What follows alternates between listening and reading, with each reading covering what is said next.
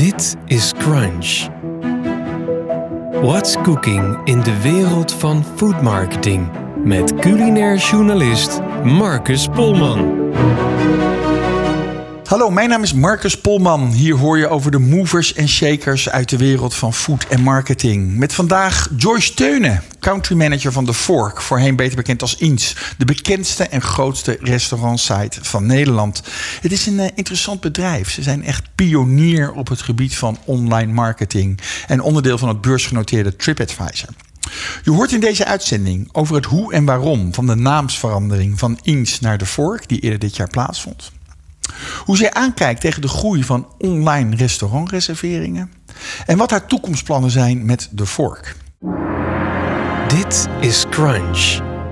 Restaurants kunnen er niet omheen. De restaurantbezoeker die een leuk restaurant bezoekt, maakt steeds vaker zijn keuze op internet en reserveert ook het liefst meteen online een beschikbare tafel.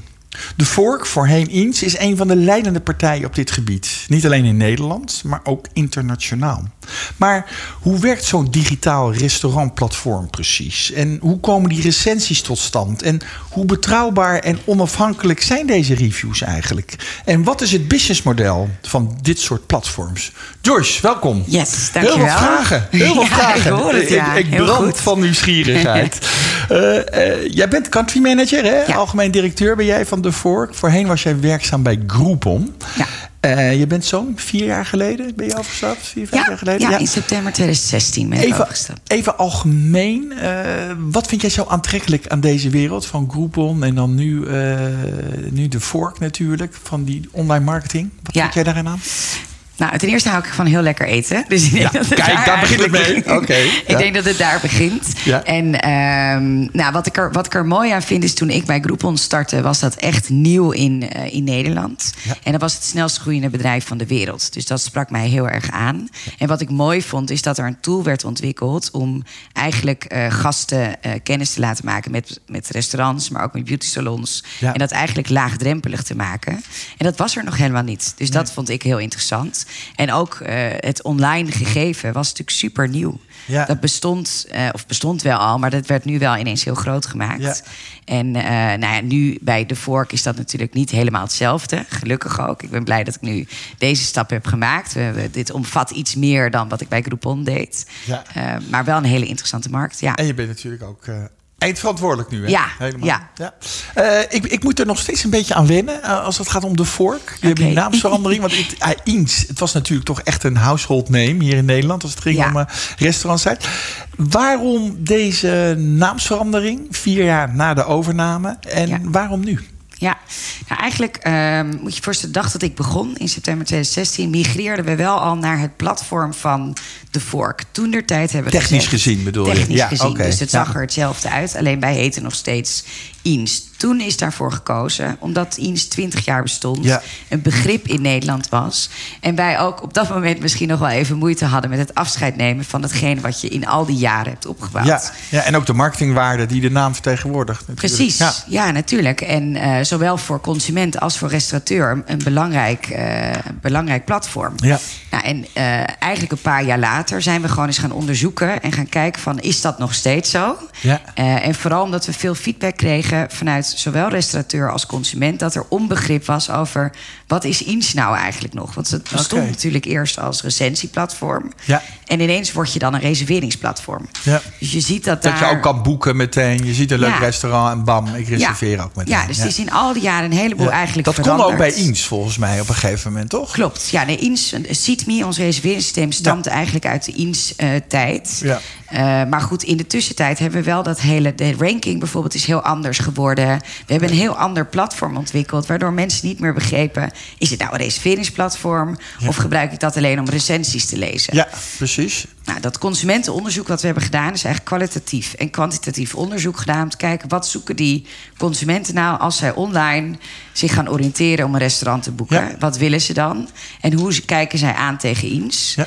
Eh, nou hing daar niet per se waarde aan, eh, aan de naam Ins. Dus dat ga je natuurlijk als eerste onderzoeken. Ja. En we hebben ook gekeken van wat willen ze uiteindelijk als zij... eh, dan kom je na een inspirerende zoektocht. Hè, want je gaat kijken, nou, waar wil ik heen? Je filtert het een en ander. Dan kom je uit op een restaurant. Als dat restaurant niet reserveerbaar was... was een grote frustratie van consumenten. Want die Ja. zeiden, ja, ik kom juist inmiddels op dat platform om te boeken. Ja. En als ik dan uitkom op iets wat ik heel gaaf vind... dan moet ik alsnog gaan bellen. Ja, ik kan me ook voorstellen dat het ene restaurant wel te boeken in de diensttijd Ja. en het andere restaurant niet. Ja. Dat bedoel je misschien ook. Ja, nou, oké. dat was de Ja. verwarring. En dat is ook eigenlijk een, een keuze die wij hebben gemaakt... van we moeten kiezen. Ben je een Ja. recentieplatform of ben je een reserveringsplatform? En die keuze is reserveringsplatform geworden. Ja. 100 procent. Ja. Alle restaurants die ik nu Ja. zie, die zijn boekbaar via de Alles is boekbaar. De Ja. recensies bestaat nog. Die worden mede gebruikt om die ranking te bepalen. Oké, daar Maar wil ik zo meer over horen. Ja, hoe dat gaat. Ja. Oh, Oké, op die. Dat Ja. lijkt me ook een enorme klus, zo'n naamsverandering. Want Ja. Is heel bekend. En, en je hebt natuurlijk ook te maken met, met de wetten van digital marketing en de wetten van Google. Hoe doe je dat met je rankings en de tekst die je hebt? Mhm. Ja. Kun je daar iets meer over vertellen? Hoe complex zo'n operatie is? Ja, en de rebranding is natuurlijk super complex. Je moet ook nadenken over eh, wat wil je dat dat nieuwe merk gaat vertegenwoordigen. Dus eh, we hebben ook een extern bureau ingeschakeld om met ons mee te denken over die merknaam en hoe ga je dat doen.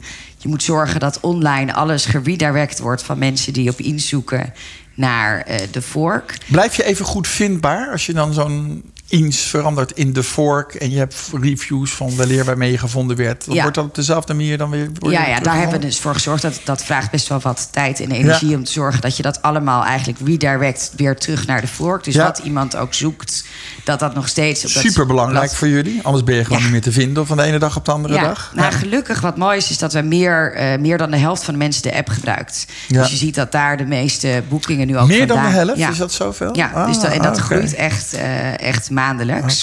Dus je ziet dat steeds meer mensen het fijn vinden om vanuit die app eh, hun boeking te maken. En dat Ja. blijft natuurlijk hetzelfde. Die heet alleen ineens de vork. Ja. Eh, maar verder veranderde daar ehm, voor consument denk ik nog niet eens zo heel veel. Ja. Behalve natuurlijk dat je die restaurants die niet te reserveren waren, die miste.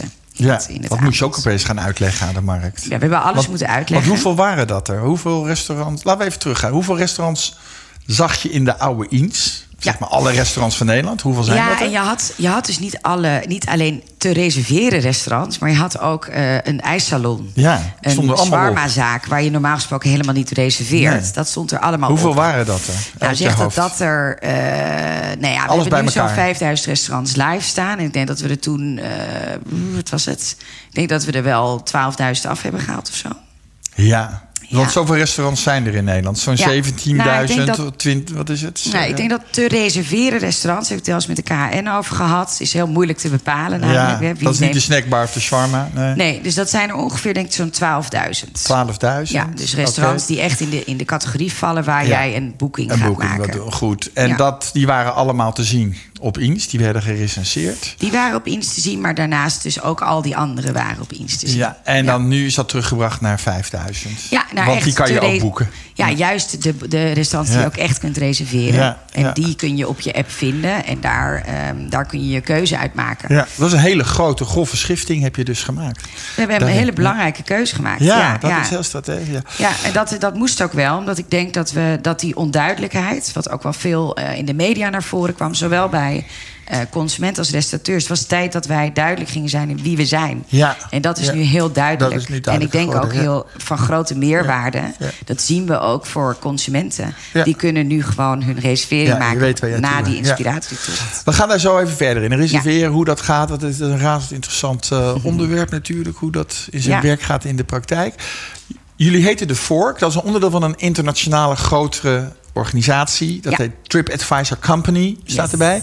Leg dat nog even uit. In hoeveel landen heb ik nu The Fork tot mijn beschikking? Ja. Je kunt in 18 landen eh, de Fork-app gebruiken. Ja, En dus ook restaurants in al die 18 landen reserveren. allemaal onder de naam The Fork nu. Allemaal onder Jullie de zijn naam nu The ook Fork. onderdeel daarvan. Ja, dus diezelfde app die je hier in Nederland hebt, die werkt dan ook in Barcelona en in Ja. Parijs en in Zuid-Amerika zelfs. Oké. Ehm, dus daar, dat kun je overal gebruiken. Eh, TripAdvisor is ons moederbedrijf. Ja. En wat wij voor TripAdvisor doen, is eigenlijk de restauranttak. Want TripAdvisor heeft natuurlijk ook eh, attracties, maar hebben ook eh, hotels. Ja. Wij doen de restauranttak en wij zorgen dat restaurants, even bijvoorbeeld in Nederland, ook te reserveren zijn via dat platform. Dus die reserveerknop die daar ook op zit, dat is met ons reserveringssysteem. Ja. En dat is natuurlijk ook wel voor restaurants Ja. een hele grote meerwaarde. Maar ook voor consumenten die die de TripAdvisor-app gebruiken. Ja. Om ook Dus als ik op TripAdvisor zoek en ik zie een leuk restaurant in Ja. Nederland of in Barcelona, kan ik daar ook meteen een reservering doen. Ja. Maar niet alle restaurants van Nee, TripAdvisor dat, hebben dat. TripAdvisor is eigenlijk wat wij voorheen met insteden. Met Insteden, ja. Dus, dat, dus daarom het. is eh, het is ook goed dat we dat verschil maken. Wij zijn echt een app die zich oriënteert op... ik wil vanavond uit eten, waar kan ik naartoe... en waar is er ook beschikbaarheid. TripAdvisor is meer een travel guide. Hè, dus die, die neemt jou mee in wat kun je in een stad doen... als je op vakantie gaat qua Ja. hotels... wat zijn er leuke bezienswaardigheden en waar kun je ook eten. Ja. En die neemt eigenlijk het hele aanbod mee. Dus zou ook kunnen dat die, ook, dat die ook overgaan op alleen maar reserveringen, vroeg of laat. Of is dat, dat, is niet waar zij vandaan komen. Dus dat Nee. zou ik een gekke sprong vinden. Dat is niet, nee, precies. Nee, dat is niet hun, eh, hun doel. Goed, helder uitgelegd. De Fork heet het nu. Ja. Ehm, heel technisch platform. Dat is eh, omgegooid om dit eh, mogelijk te maken. Alleen nog maar reserveringen, waar dat Ja. voorheen ook de reviews waren. Als je me even, even terugbrengt, eh, Joyce. What's in it for me als, als consument? Wat zijn Ja. nou concreet de voordelen dan? Ja, nou ten eerste, ik vind het heel fijn als ik vanuit mezelf spreek dat je een app hebt waar ik kan bedenken waar wil ik eten. Ja. En er is zo'n groot aanbod. Alleen al, ik woon zelf in Amsterdam. Als Ja. ik daar moet kiezen waar ik naartoe moet gaan, is best Het lastig. is duizelingwekkend. En elke Niet week komen er weer nieuwe bij. Ja, Ja, en inderdaad, er, is heel veel omloop. Dus er gebeurt van alles. Dus het is heel fijn om geïnspireerd te raken via een platform... waar ook andere mensen die zijn geweest eten... Ja. daar kan ik van lezen, wat zijn jouw ervaringen? Ja. Ik kan misschien een mooi, wat voordeliger uit eten... want er zijn ook wat kortingen te vinden op het platform. Ja. Ik kan zien, wat zit er in de buurt? Ik kan zien... Is het beschikbaar überhaupt? Kan ik daar? Ja. En met een hele makkelijke druk op de knop Ja. kan ik mijn boeking maken. Ja. Dus ik hoef niet te bellen, ik hoef niet helemaal eh Google ja, af te struinen om te kijken waar ik naartoe wil. Ik kan gewoon heel gericht. En als ik zin heb in Syrisch eten, dan kan ik daarop filteren. Want je kan je op filteren. Dat soort ja, dingen. dus je kunt precies naar wens zoeken wat je wil. Ja, dus dat is eigenlijk het grote voordeel voor ja, consumenten. mega. En Ja, je hebt ja. gewoon... eh, ik heb echt voor elke gelegenheid zo- zoek ik een ander soort Ja. restaurant. Eh, Hoe belangrijk, even tussendoor, George, zodat ik in de reden val. Maar hoe belangrijk eh, is eigenlijk. Eh, hoe groot is het aandeel van online reserveringen bij restaurants vergeleken met andere manieren van reserveren? Nee, Zoals we vroeger deden en we gingen bellen. Ja, Hoe- nou, we weet weten dat, men, dat 80% van de mensen zich online oriënteert alvorens ze... eh, 80 Ja, 80%. Voordat ze naar een restaurant gaan. Ja, ja, en je ziet gewoon dat dat... is waanzinnig. Wij hebben 2,5 miljoen bezoekers per maand... eh, ja. die ons platform bezoeken. Dus dat zijn mensen die zich gaan oriënteren... om te kijken van, hé, hey, waar, eh, waar, waar kan ik naartoe? Waar kan ik eten? En hoeveel mensen gaan dan ook boeken, zeg maar? Het aantal online boeken. Je hebt toch ook mensen die zeggen... Ja, ik vind het een beetje eng dat online boeken. Want ik weet niet wat er wel aankomt. Dus ik ga toch weer bellen. Ja, ik zag... Ik kan, Dat is ik een beetje exact, old school eh, natuurlijk. ja, ja. Ik hoor daar niet bij voor de goede orde. Nee, heel goed. Maar nee, maar, maar hoe gaat het? Kan je daar Ja, over nee, ik, kan, ik kan niet exact zeggen hoeveel boekingen wij daadwerkelijk ontvangen. Ehm, maar je ziet wel dat, ehm, dat die conversie dus van steeds hoger wordt. Dus dat steeds meer mensen gewend raken aan het feit dat je op die knop drukt en een boeking kunt maken. meteen die boeking gaat doen. Ja, en Ja, wij ja. moeten er ook voor zorgen, eh, dat is onze taak. Wij zijn de on- doen de online marketing voor restaurants. Dat dat zo snel en makkelijk mogelijk maakt. Dat iemand ook hup, drukken, beslissen en gaan. Ja. Dat is voor restaurateurs ook heel interessant. De Fork is natuurlijk een internationaal concept. Dat heb je net eh, uitgelegd. Eh, zit daar nog een voordeel aan voor mij als, als, als consument of als restaurateur? Wat- hoe zien jullie dat? Zeker, want je kunt met de Fork-app kun je dus in alle landen boeken. Dat is sowieso een heel groot voordeel. Maar ook voor restaurateurs zullen zij gasten vanuit de andere landen ontvangen. Voor mij persoonlijk heb ik wel echt een missie. eh, en dat is om Nederland culinair op de kaart te zetten. Ja. Wat je namelijk ziet is dat eh, men gaat naar Frankrijk voor culinaire reis of naar Italië. Maar Nederland staat daar nou nog niet zo onbekend. Terwijl wij echt een fantastische keuken hebben en goede chefs. Dus daar, eh, en dat kunnen wij doordat wij dat internationale bereik hebben. Dus als ik een Fransman ben, even voor de helderheid, en ik ga en ik wil in Amsterdam zoeken een leuk restaurant, dan open ik Dan- de Fork Nederland? Of? Ja, je opent gewoon exact dezelfde app die je ook al in Nederland gebruikt om te boeken. En die ziet er dan precies hetzelfde uit. In mijn eigen dan taal. In je eigen taal, maar dan zie je de Franse restaurants die dan in jouw buurt zitten. Ja. Het werkt helemaal op dezelfde manier. En dat kun je dus in al die landen van de voor kun je dat gebruiken. Minstens zo belangrijk in het hele verhaal is natuurlijk de recensies. Je zegt het Ja. al, oriënteren. 80% oriënteert zich. Ja. Eh, dat is soms ook een beetje met wat mystiek omgeven. Hoe die recensies tot stand komen. Ja. En hoe betrouwbaar is dat? Hoe onafhankelijk. Vertel daar eens wat over. Hoe Ja. Iedereen Ja. kan daar een recensie achterlaten. Of is dat niet zo? Nee, hoe dat is werkt veranderd. dat? Dus toen wij zijn eh, van Iets naar de Vork zijn gegaan... hebben we ook naar de restaurants ge- geluisterd en gekeken... van wat, wat is nou voor hun echt belangrijk. En wat zij zeiden ze tegen aan- jullie? Wat zeiden ze? Wat, Ze wat zeiden, eh, we hebben het vermoeden dat er soms mensen recensies schrijven... die niet daadwerkelijk in het restaurant zijn geweest, bijvoorbeeld. Ehm, eh, wat wij weten, wat best grappig is om te weten... is dat eigenlijk maar 1% van alle recensies wereldwijd... die geschreven worden op zowel de Fork als TripAdvisor... door de restaurant worden aangegeven als mogelijk... Frauduleus. juist of Ja. frauduleus. Dus Ja, dat is eigenlijk maar een heel klein stukje. Een rancuneuze dat- concurrent of zo? Of, eh, ja, of, een- eh, weet je, en dat is, er zijn maar een paar mensen die die moeite zullen doen. Maar wat denk ik nog mooier is, wij hebben eigenlijk een algoritme ontwikkeld. Vanuit TripAdvisor is dat. En dat is net zoals bij een creditcardbedrijf, dat er gecheckt wordt. Elke recensie gaat door, dat, door die molen eigenlijk. En wordt gecontroleerd op een aantal facetten. Is dit een juiste recensie? Klopt deze recensie? Eh, is het netjes? Hè? Wordt er niet gescholden of gekke dingen Ja. gezegd?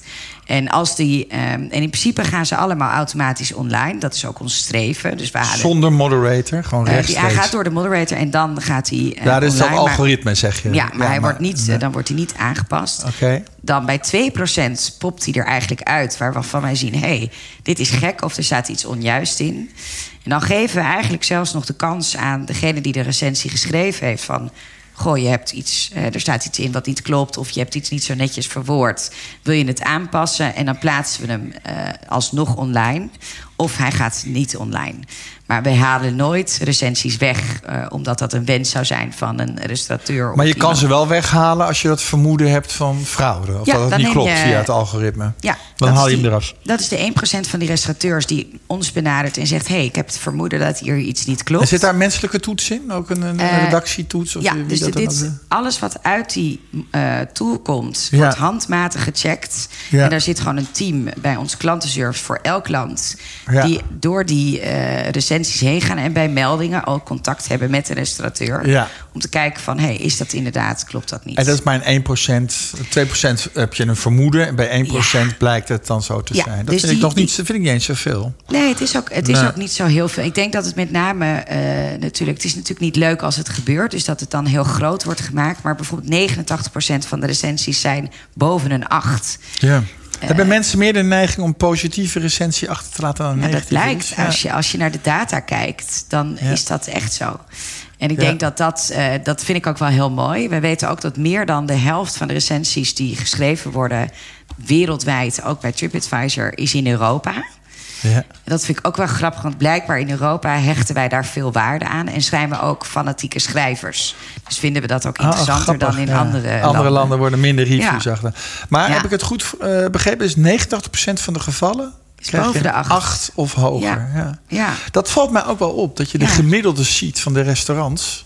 Dat het zulke enorme hoge gemiddeldes zijn. Ja. Wat ook weer bij mij als consument een beetje oproept van ja, klopt het allemaal wel, Joyce? Maar dat Nou ja, heb je dus net neergezet. Ja, nee, dat klopt zeker. En ik denk ehm, eh, dat het juist hoe meer recensies er geplaatst worden. En je ziet eh, dat de restaurants die net nieuw zijn, ja, die beginnen met drie, vier, vijf recensies. Ja. Maar als je langer op de vork staat, Ja. dan heb je op een gegeven moment heb je 500 recensies verzameld. Ja. Dan kun je er ook wel echt als consument kun je er wel echt van uitgaan Ja. dat dat klopt. Want het is zo'n grote pool aan recensies en daar het gemiddelde van bepaalt het cijfer van. En dat wordt ook minder makkelijk te beïnvloeden natuurlijk. Ja, dat, dat gemiddelde. bijna dat, niet dat wordt dan minimaal eigenlijk. Ja. En zo. Ja, ja, Ja, nee, dus, dat- dus dat is echt. eh, er zijn wel eens verhalen ge- geweest hè, dat we restaurants hoger zouden zetten of recensies eh, zouden beïnvloeden. Maar da- daar zijn we heel transparant in. En, eh, Maar als ik een nieuw eerlijk. restaurant heb, dan ik neem aan dat het algoritme het er niet uithaalt. Als ik een nieuw restaurant heb en ik mobiliseer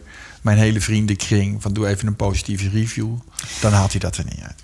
Eh, het zou wel naar voren kunnen komen dat we denken: hé, hey, wat gek. We hebben ook eh, mystery guests bijvoorbeeld. Ja. Dus om, als je ziet dat er iets heel afwijkend zou zijn van wat normaliter zou zijn. Als je alleen Martine zou hebben, Ja. dat is wel uitzonderlijk. Dus Ja. dan, is er wel iets, iets bijzonders Ja, dan moet je je, je vriendenkring wel eens weer... Doe af en toe een negen ertussendoor. Eh, Van acht, ja. ja. dat zou je dan moeten ja, doen. nee, maar kijk, dat, dat kun je ook maar heel kort aanhouden. Want vervolgens komen daadwerkelijk gasten. Ja, En als, de, als blijkt dat het niet goed is. doen, ja. Dus je kunt dat nooit eh, helemaal eh, manipuleren. Je had het al over de, de ranking. Hè? Dat is natuurlijk Ja. ook heel belangrijk. Daar is ook best wel in het verleden is daar, eh, is daar gedoe over geweest. Zeker in de Inns-tijd. hè, Van ja, je moet als restaurateur moet je je plek kopen en dan kom je bovenin. Mhm. Even terug. Hoe komt in het huidige model van de Vork de ranking precies tot stand? Ja. Welk restaurant komt bovendrijven? Welke minder? Hoe gaat Er zijn eigenlijk heel veel facetten. Het, Ja. heeft, eh, het bekijken naar relevantie voor de consument. Dus als jij nu de app gebruikt, kijken we bijvoorbeeld wat er bij jou in de buurt zit. Dat is een hele bepalende, want dat is namelijk vaak heel interessant. Je kunt zelf filteren op wat jij bovenaan wilt hebben. Als Oh, Ja. je zegt, ik wil gewoon het hoogste cijfer, Ja. dan krijg je het hoogste cijfer. Ja, of duurste restaurant, of Ja, in prijs, of wat dan Ja, ook. je kunt allerlei filters maken op wat je zoekt. Ja, maar- maar wij, zor- wij zorgen ervoor met een algoritme dat de meest relevante en interessante voor jou, althans wat wij denken, naar voren te laten komen. Dus dat, Ja. En cijfer is natuurlijk cruciaal daarin. Ja. Want eh, het zal nooit zo zijn dat een 6 eh, hoger staat dan een 9. Ja. Want je wil uiteindelijk natuurlijk, hè, wat de consument zegt, is, is mega bepaald. Maar waar je zit is bepalend. Eh, heb je een goede beschikbaarheid? Dus heb, ben je wel eigenlijk. sta je wel open voor het weekend bijvoorbeeld? Want ja, Ja. dan als, als je weinig beschikbaarheid openzet, is het ook minder relevant voor mensen die nu zoeken. Oké, dan kom je ook weer vrijdagavond. lager. Ja. Ja. Eh, doe je een promotie? Er zijn allerlei facetten die een onderdeel zijn van hoe hoog jij komt te staan. Maar je kunt altijd kijken, ik wil gewoon de allerbeste zien. Dan Ja. je, ik wil het hoogste cijfer eerst. Kan ik dat zelf beïnvloeden dan als restaurateur? Als ik, kan ik zelf aangeven, kan ik dat beïnvloeden door wel een promotie te doen of op anderszins, zodat Ja. ik hoger in de hiërarchie kom op het moment dat iemand bij mij in de buurt is? Ja, nou, het is sowieso goed om te zorgen dat je veel recensies verzamelt en je een goed cijfer hebt. Dus dat de consument enthousiast is als ze zijn wezen eten. Een Ja. promotie kan je zeker helpen. En dat boost je namelijk ook. Want promotie is Maar wat is dan een promotie? Even Dat is eens een korting op het Ja. eten. Oh, dat, ja, ja. Ja, dus als ik bijvoorbeeld op de, op de kaart kijk in de app, dan zie ik allerlei restaurants die bij mij in de buurt zitten met hun cijfer. En ik zie al sommigen een percentage korting doen. Ja. Nou, dat kan voor mij een trigger zijn, een reden zijn om te denken, ik klik daarop. Voor restaurant is dat een manier om eh, de lege tafels die ze mogelijk hebben, om Ja. daar een boost aan te geven. Dus om in Ja. een bepaalde periode dat te kunnen promoten. ja. Kun je ook jou betalen, of de vork betalen om hoger in die ranking te komen? Nee, dat kan niet. Nee. Nee. Nee, want dit is het algoritme. Dat is gewoon volledig transparant. Dat is gewoon eerlijk. Dat is hoe het werkt. Ja. Voorheen, waar denk ik wat je waar je aan het begin naar refereerde... was dat mensen zeiden... ooit bij Ines was daar wat commentaar op. Daar was ooit een betaalde optie... om hoger in de ranking te Ja, komen. en dat is heel hardnekkig. Dat denken nog steeds heel veel mensen, denk ik. Zowel restaurateurs als ook, eh, als ook consumenten. Maar we hebben dat bewust... Ja. juist al, denk ik, vier jaar geleden nu... hebben gezegd, dat doen we niet meer. Oh, dat was ook in de instijd al niet meer zo. Dat- Ja, nee, dat- want, het- want ja. het is juist eh, omdat dat niet eerlijk is. En voor Ja. consument, als je betrouwbaar wil zijn, dan Ja. moet dat niets te maken hebben met of iemand betaalt of niet. Juist. Dan gaat Ja, het om, ja. is het echt het beste restaurant wat ik zie? Duidelijk, En dat is ja. waar we wel echt voor gaan. Dus mijn keuze, wat ik zie als consument, eh, wordt door het algoritme bepaald. Ja. Op relevantie, is er beschikbaarheid, is er een leuke Italiaan bij mij in de buurt? Ja. Eh, wat zijn mijn voorkeuren? Begrijp ik. En dan wordt daar, aan de hand daarvan wordt een selectie gemaakt. Ja. En dan kan ik daaruit kiezen en kan ik dat Ja. gaan boeken. Ja, Dus je dat- kunt zelf dus ook je eigen selectie maken. Je kunt eh, bijvoorbeeld op Insider eh, als selectie kiezen. Je Wat is dat precies? Insider? Dat lees ik ook wel eens. De Fork Insider? Ja. Nou, we merkten dat, het, eh, dat er echt een groep is. 25% van onze consumenten boekt insider restaurants. Ja. En dat zijn restaurants die in het hoger segment zitten. Die ook gemiddeld een wat hogere menuprijs hebben. En die in een gids staan. Ja. Dus een Michelin-gids of een Gomio-gids. Ja. En die dan ook nog eens een cijfer hoger hebben dan een 8. Oké. Dus nee, sorry, dan een 9. Ik zeg het fout. Ja. Ja. Dus wat Beetje de luxe restaurants en dat. Ja, dus, dus eh, de restaurants die juist eh, heel interessant zijn om naartoe te gaan. Want dat zijn de restaurants waar je een, echt een, een luxe avond eh, tegemoet gaat. Ja. Dat is een speciale selectie die wij eigenlijk. Die zijn ook boekbaar dan via de vork? Ja, Altijd allemaal per boekbaar. definitie. Ja. Ja. Ja. dus alles wat je vindt op de vork is boekbaar. Maar er is altijd een, maar een restaurant wat heel hoog staat, Michelin-gids bijvoorbeeld. Ja. Of eh, de Gomio, eh, maar die niet onderdeel is van jullie. Eh, of die boeken, Ja. die, die- dan kan je toch dat boeken? Dat begrijp ik helemaal. Nee, Libreien dus, kan ik nee boeken? maar wij, dit, die insider selectie is onze selectie van de restaurants die natuurlijk die wel aangesloten zijn. Ja. Ja, precies. Want de Ja. Libreien kan ik niet bij jullie eh, boeken. Nee, nee, jammer wel. ik zat even te kijken. Ik zat even te kijken op de Libreien. Ik krijg vijf vermeldingen, behalve de Libreien in Zwolle. Dus dat doen jullie wel Oh, goed. ja, ja. in Leusden zit een Libreien. In Apeldoorn zit een Libreien. Eh, die zitten, er zitten er vijf, dus kennelijk ja. Wat is het businessmodel voor jullie, voor de Fork? Want jullie doen dit niet uit eh, alleen maar om eh, de gastronomie te promoten in Nederland. Ehm, ja, wat is de catch voor Ja, jullie? hoe het werkt is eigenlijk dat ehm, restaurants hebben een, ten eerste een online reserveringssysteem... Ja. waar zij hun reserveringen mee kunnen managen. Daarnaast zijn wij een online marketing tool... en daar zorgen wij dus dat ze goed zichtbaar zijn... waardoor zij extra gasten binnen kunnen krijgen... online eh, zichtbaar kunnen zijn. Wat Eh, bedoel je, online tool? Dat, eh, Nou, dat wij, doet zorgen, via wij zijn natuurlijk een platform waarmee Ja. als jij als restaurateur op het platform staat, dan kun jij jezelf eh, extra zichtbaarheid geven. Versus niet op het platform te staan. Want Ja. die 2,5 miljoen bezoekers is een interessante groep. Ja, om onderdeel- extra restaurant, ja, extra wij gasten doen te trekken. marketing om te zorgen dat er zoveel mogelijk consumenten gebruik maken van die app. Zoveel mogelijk consumenten op de voorkomen en uiteindelijk een boeking maken. Dat die, die taak is aan ons. Als wij uiteindelijk een reservering aanleveren bij een restaurant, dan betalen ze daar afhankelijk van hun abonnement 1,50 of 2 euro per couvert voor.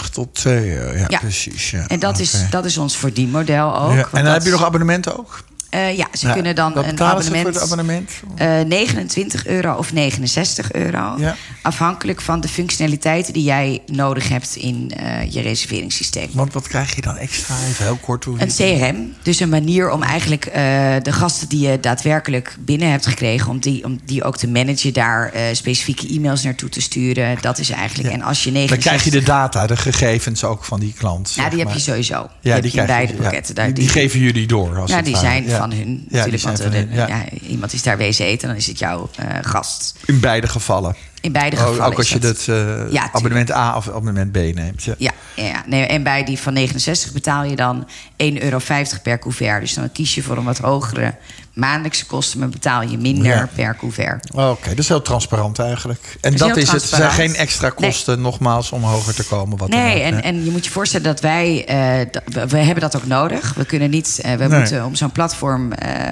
elke maand moet ik mega veel geld investeren om te zorgen dat we genoeg consumenten richting ons platform krijgen. Ja. Eh, dus dit is, dit is nodig om, eh, Ja. om dit te doen. Daar is ook wel eens kritiek op geweest, hè, op die Ja. tarieven. Eh, met name vanuit eh, de branchevereniging, de Koninklijke Horeca Nederland en eh, de restaurateurs. Schandalig, is veel te duur, 1,50, 2 euro. Hoe kijk je daar tegenaan? Ja, eh, verrast wel, moet ik eerlijk zeggen. Als je Ze kijkt hebben een alternatief platform ontwikkeld ook om die reden, hè? Ja. Begreep ik. Ja, en ik denk dat, eh, dat, dat daar misschien wel eh, ontdekt is dat het best wel lastig is om zo'n platform eh, te starten. Dat je daar heel veel geld in moet stoppen om succesvol te zijn.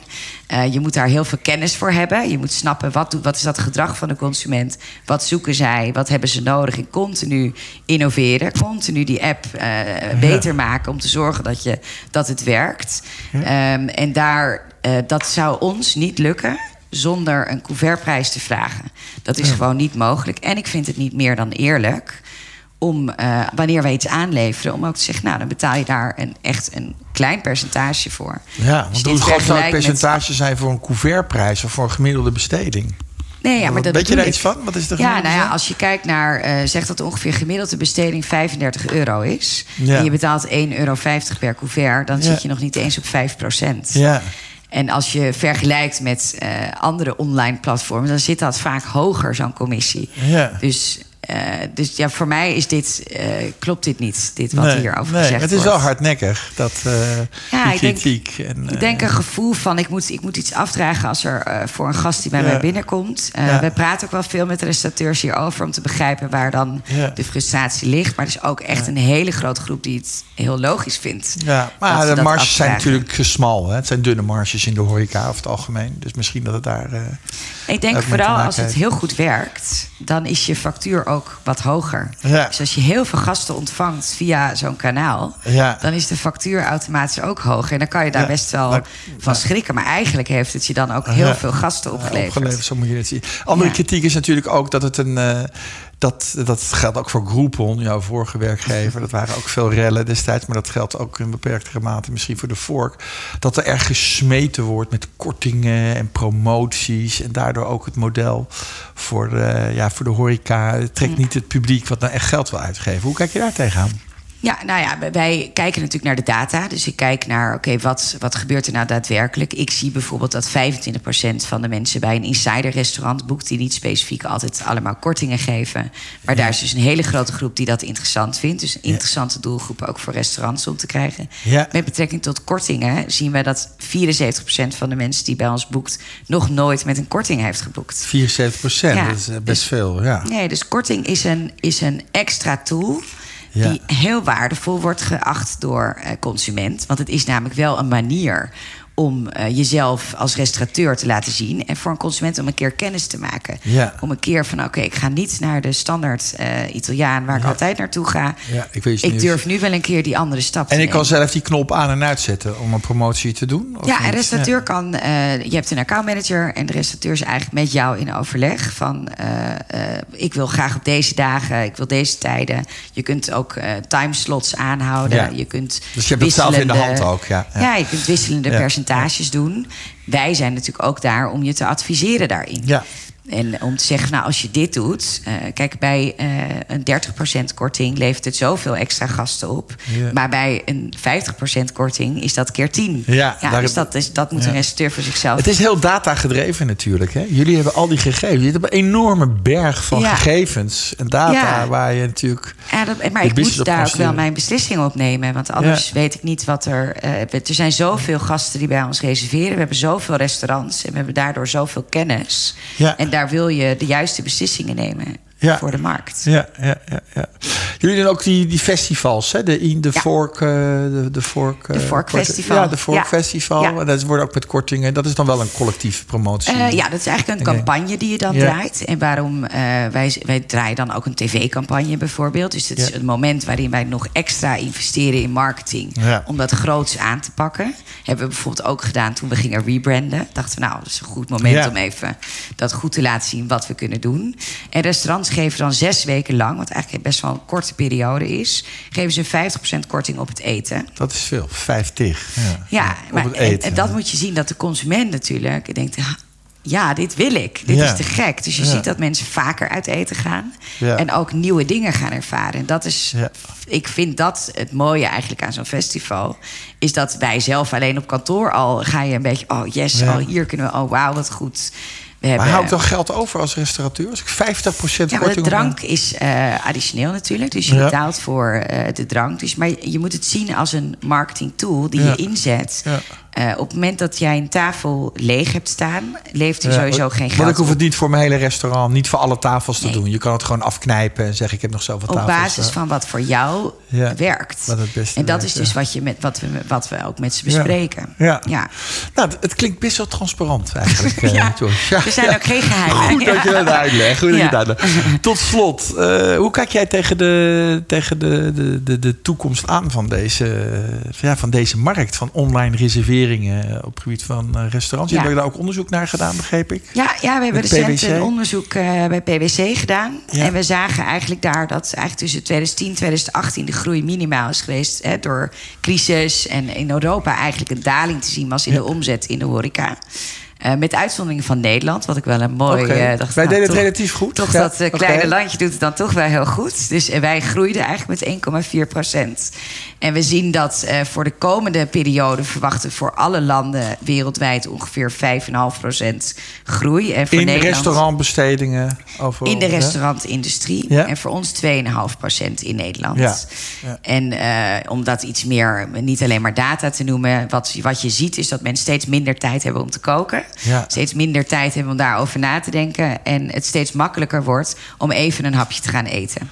Ja. En dat is ook iets waar wij uh, als de Vork uh, een grote rol in kunnen spelen. Om Ja. dat makkelijk te maken. Maar dat is natuurlijk ook een gigantische onderstroom van positief marktsentiment waar jullie op door kunnen groeien. Ja, zeker. En voor restaurants ook heel positief. Ja. Want dat is alleen maar een heel goed gegeven dat mensen makkelijker en vaker uh, uit eten gaan. Dat gaan doen. Ja. Ja. Het is een heel helder verhaal. Joyce, Oh, goed eh, zo. ik krijg er zin in ook om te gaan boeken en te gaan eten. Maar Ja, dat heb ik altijd. doen. Dat Ja. heb ik altijd. Ja, we hebben nu het festival, hè? Dus Ja, misschien toch eens proberen. Ja. Oké, dankjewel daarvoor. Dankjewel voor je tijd. Eh, De Crunch Podcast is een co-productie van het PR-bureau in samenwerking met Marketing Tribune.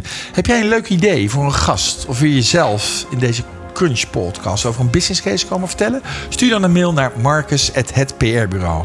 Dit was Crunch voor vandaag. Happy eating en graag tot een volgende keer.